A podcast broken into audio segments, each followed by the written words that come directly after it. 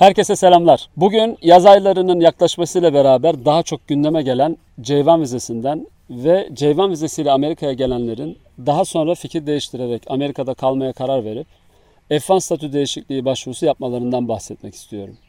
Özellikle yaz aylarında bu konuda çok fazla soru alıyoruz.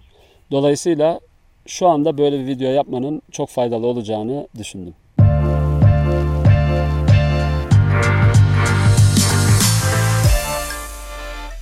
Bugün sizlere C1 statüsüyle Amerika'ya gelenlerin F1 statüsüne değişiklik yaparken dikkat etmeleri gereken konulardan bahsedeceğim. C1 statüsüyle Amerika'ya gelen herkes F1 statüsüne kolaylıkla statü değişikliği başvurusu yapamayabilir. Bu statü değişikliği başvurusunu düşünüyorsanız nelere dikkat etmeniz gerekiyor? Göz önünde bulundurmanız gereken konular nedir? Bunlar hakkında kısa kısa bilgiler vermek istiyorum. Öncelikle C1 vizesinin birkaç çeşitten oluştuğunu söyleyerek başlayabiliriz.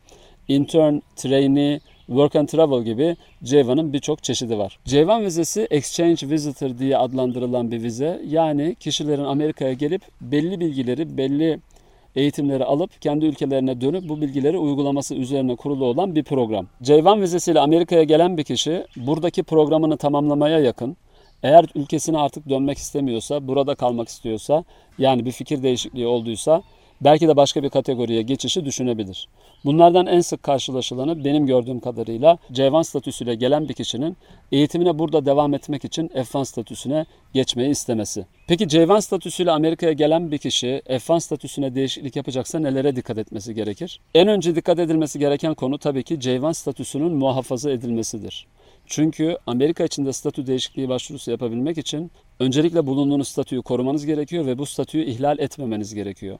Ceyvan'da bu bazen Work and Travel programında çalıştığınız yerden ayrılmayarak ve çalışmanızı devam ettirerek trainee veya intern kategorisinde de trainee olduğunuz, intern olduğunuz yani kısaca staj yaptığınız yerden ayrılmamak oradaki programa, C1 programına uygun bir şekilde çalışarak olur. Bazen C1 programında sorun yaşayanlar olabiliyorlar. Sponsor şirketle anlaşamayan, işverenle anlaşamayan kişiler oluyor. Onların statülerini muhafaza edebilmeleri için program sponsorundan, işverenden habersiz işler yapmamaları gerekiyor.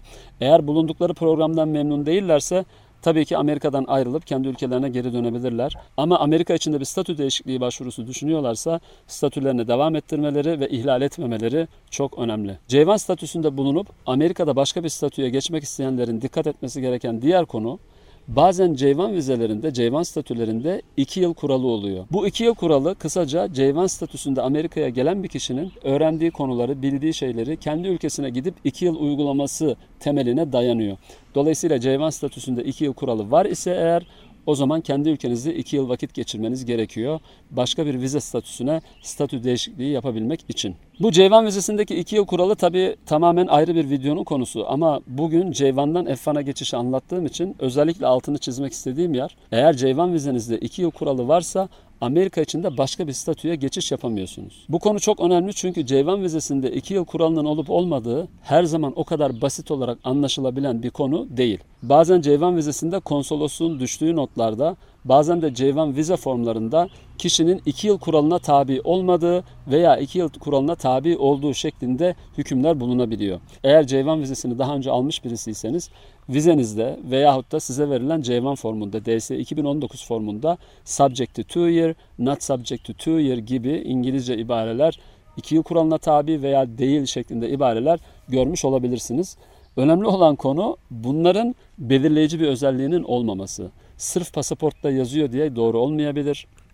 Sırf formda yazıyor diye doğru olmayabilir ve bu konu sizi çok şaşırtabilir ama gerek konsoloslukların gerek bu formları veren DS 2019 formlarını veren okulların çok sıkça yaptığı hatalardan bir tanesi bir kişi iki yıl kuralına tabi olmasına rağmen değil diye yazılması veya olmamasına rağmen kurala tabi diye yazılması. Dolayısıyla C1 vizesine sahip kişiler çoğunlukla pasaporttaki veya formdaki bu ibareye bakarak kendilerinin iki yıl kuralına tabi olup olmadığını anlamaya, değerlendirmeye çalışıyorlar. Halbuki olay bununla tam olarak netleşmemiş, belirlenmemiş olabilir. Bu konuda mutlaka C1 statüsünden F1 statüsüne veya başka bir statüye geçebilir miyim diye profesyonel bir görüş almanız gerekir. Bizim ofisimize ulaşan ve C1 statüsünden F1 statüsüne geçmek istiyoruz diyen kişilerle ilk konuşmamız, bizim ofisimize ulaşan C1 statüsüne sahip ve F1 statüsüne geçiş yapmak isteyen kişilerde ilk baktığımız konu acaba C1 statüsünden F1 statüsüne geçmeye bir engel var mı? O konulardan bir tanesi de bu iki yıl kuralı. iki yıl kuralına subject diyoruz. İki yıl kuralına tabi mi değil mi? Bunu buna dikkat ediyoruz. Bunun kontrol edilmesi çok önemli. Çünkü eğer bunu kontrol etmeden bir başvuru yaparsanız ve göçmenlik bürosu böyle bir statü değişikliği başvurusu yapamayacağınızı anlarsa ve bunu tespit ederse o zaman başvurunuzu reddeder. Eğer C1 statüsünden F1 statüsüne başvurmak istiyorsanız ve 2 yıl kuralına tabiyseniz o zaman bu statü değişikliği başvurusunu yapmadan önce ya gidip kendi ülkenizde 2 yıl kalmanız gerekiyor ya da waiver dediğimiz 2 yıl kuralının waive edilmesi, 2 yıl kuralının ortadan kaldırılması dediğimiz bir başvurunun yapılması gerekiyor. Bu da ayrı bir video konusu, bu videonun konusu değil ama bu başvuru yapılırsa ve bu kabul edilirse o zaman Amerika için de statü değişikliği başvurusu yapılabilir diyebiliriz. Statü değişikliği ile ilgili bu tip engellerle karşı karşıya kalan C1 statüsüne sahip kişiler bazen gidip kendi ülkelerinden F1 vizesi başvurusu yapmayı düşünebilirler. Tabi konsoloslukta yapılacak bir F1 vize müracaatında konsolosluğun bu başvuruyu sıfırdan inceleyeceğini, F1 verip vermeme konusunda tamamen kendilerinin yetkili olacağını bir kere daha hatırlatalım. C1 statüsünden F1 statüsüne geçişte eğer herhangi bir kanuni engel yoksa yapılacak ilk işlem bir okulla irtibata geçerek okuldan bir I-20 belgesi, gitmek istediğiniz okulla irtibata geçerek bu okuldan bir I-20 belgesi temin etmek ve daha sonra başvuru paketini göçmenlik bürosuna göndermek üzere hazırlamaktır. Bu konuda lisanslı bir avukatla size yol gösterebilecek, bu konuda tecrübeli lisanslı bir avukatlık bürosuyla çalışmanız çok önemli. Çünkü bazen bu tip başvuruları bu başvuruyu daha çok bir, daha önce birkaç kez yapmış kişiler, lisansı olmadığı halde öğrencilere yardımcı olmak adı altında bu işten para alan kişiler yapmaya çalışıyorlar. Bunların sonucu bazen hüsran oluyor. O tip dosyalar önümüze geldiğinde çok üzülüyoruz. Çünkü usulüne uygun yapılan bir başvuruyla bunun düzgün bir şekilde takip edilmesi mümkünken bazen çok acemice hatalar yapıldığı için kişiler statülerini kaybedebiliyorlar. Özellikle de C1 statüsünde olan kişinin statüsü bitmek üzereyken bir F1 statü başvurusu yapıldı bir F1 statüsü e, değiştirme başvurusu yapıldıysa Göçmenlik bürosu dosyaya bakana kadar kişinin zaten C1 statüsü de bitmiş oluyor.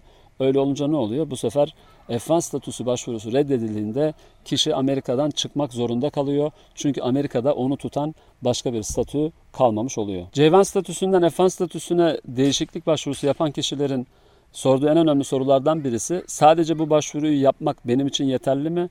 Yoksa Arada 6'şar aylık B2 uzatmaları da yapmam gerekiyor mu? C1 statünüz bitmeden içeriye F1 statü değişikliği başvurusunu vermeniz yeterli.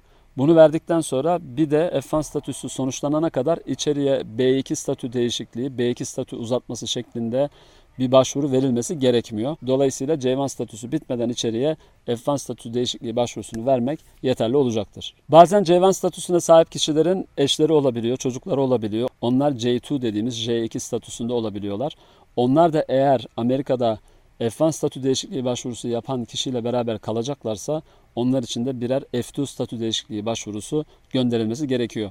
Bazen hatta C1'lı kişinin eşi J2'lu olan kişi ben F1 olmak istiyorum, ben öğrenci olmak istiyorum diyor. O zaman J2'dan F1'a, C1'lı kişiyi de F2'ya statü değişikliği başvurusu yapabiliyoruz. Bunlar tamamen stratejiyle alakalı konular. Sizin için en uygun stratejinin ne olduğuna bir lisanslı göçmenlik avukatıyla konuşarak karar verebilirsiniz. Bu tip dosyalar bizim önümüze geldiğinde biz müvekkillerimizle gerekli görüşmeleri yapıp en uygun yolu kendileri için tespit ediyoruz. C1 statüsünden F1 statüsüne değişiklik yapan ve akabinde F1 statüsüyle okula devam edenlerle ilgili gördüğüm en temel problemlerden bir tanesi C1 statüsü zamanında alınan Social Security numarasının F1 statüsü zamanında da kullanılmaya devam edilmesi. Bu konu F1 statüsüyle Amerika'da eğitimle devam eden kişileri o kadar ciddi etkileyebilecek bir konu ki hatta ileride vize almalarına, green card almalarına mani olabilecek bir konu ki üzerinde kısaca durmak istiyorum. Bilindiği gibi C1 statüsünde Amerika'ya gelen kişiler çalışma veya staj yapma hakkına sahip. Dolayısıyla onlara bir bordro verilmesi gerekiyor, bir maaş verilmesi gerekiyor. Doğal olarak da Social Security Ofisi onlara bir Social Security numarası veriyor. Bu numara sayesinde Amerika'da çalışabiliyorlar, vergilerinden kesinti yapılıyor, vergi ödüyorlar vesaire. Dolayısıyla sistemin içine girmiş oluyorlar. Amerika için de statü değişikliği başvurusu yapıp F1 statüsüne başvuru yaptığınızda diyelim ki F1 statüsüne geçmek için bir başvuru yaptınız ve bu arada bekliyorsunuz. C1 statünüz de bitti. Henüz F1 statünüz göçmenlik bürosu tarafından onaylanmadı. Bu arada artık Ceyvan statünüz bittikten sonra Ceyvanlı değilsiniz. Dolayısıyla bu andan itibaren çalışmayı bırakmanız gerekiyor. Herhangi bir yerin bordrosunda olmamanız gerekiyor. Social Security numaranızı sanki çalışma izniniz varmış gibi kullanmamanız gerekiyor. Aynı durum F1 statü değişikliği başvurusu kabul edildikten sonra da geçerli. Bazen insanların kafası karışıyor. Benim zaten Social Security numaram var. Dolayısıyla çalışmaya devam edebilirim diye düşünüyorlar. Halbuki bu düşünce doğru değil. Çünkü Social Security numarası olması bir kişinin o kişinin çalışma izni olduğu anlamına gelmiyor. Aksine Social Security numarası olan birisinin çalışabilmesi için bir çalışma izninin olması gerekiyor. F1 statüsü tek başına çalışma izni veren bir statü değil. Mesela dil okuluna giderken çalışamazsınız. Bir master yaparken, bir üniversite derecesi, bir associate degree, 2 yıllık eğitim alırken bunların yapılıyor olması, bu eğitimden alınıyor olması size tek başına bir çalışma izni vermez. Ama siz okuldan başka türlü bir izin alırsınız. Mesela kampüs içinde çalışma izni alırsınız, OPT alırsınız, CPT alırsınız. Yani okuldan izin alarak bir şekilde çalışma hakkınız olmuş olur veya göçmenlik bürosu size bu izni verir. İşte o zaman aynı sosyal güvenlik numarasını kullanarak çalışmaya devam edebilirsiniz. Bugün altını çizmek istediğim konu lütfen C1 statüsündeyken almış olduğunuz Social Security numarasıyla F1 statünüz devam ederken F1 statünüz size bir çalışma izni vermediği sürece o numarayı kullanmayın ve çalışmayın. Eğer bunu yaparsanız aslında F1 statünüzü ihlal ediyorsunuz. F1 statüsünü ihlal eden bir kişinin hükmü de başka bir statüye geçememesi, mesela kendisine green card çıksa bile Amerika içinde green card alamamasıdır. Dolayısıyla bu statü ihlalinin statü dışında çalışmanın veya gayri yasal çalışmanın diyelim ileriye dönük size çok büyük etkileri olabilir. Belki bunu yaptığınız esnada bunu kimse fark etmez ama yarın öbür gün bu ülkede bir geleceğiniz olsun istiyorsanız, farklı statülere geçmek, bir green card almak istiyorsanız mesela bunun ciddi manada negatif etkisi olabilir ve başka statüye geçemeyebilirsiniz. O yüzden e, bu konuyu bir kere daha hatırlatmak istedim. Son olarak J1 statüsünden F1 statüsüne geçtiğimizde Amerika dışına çıkarsak ne olur?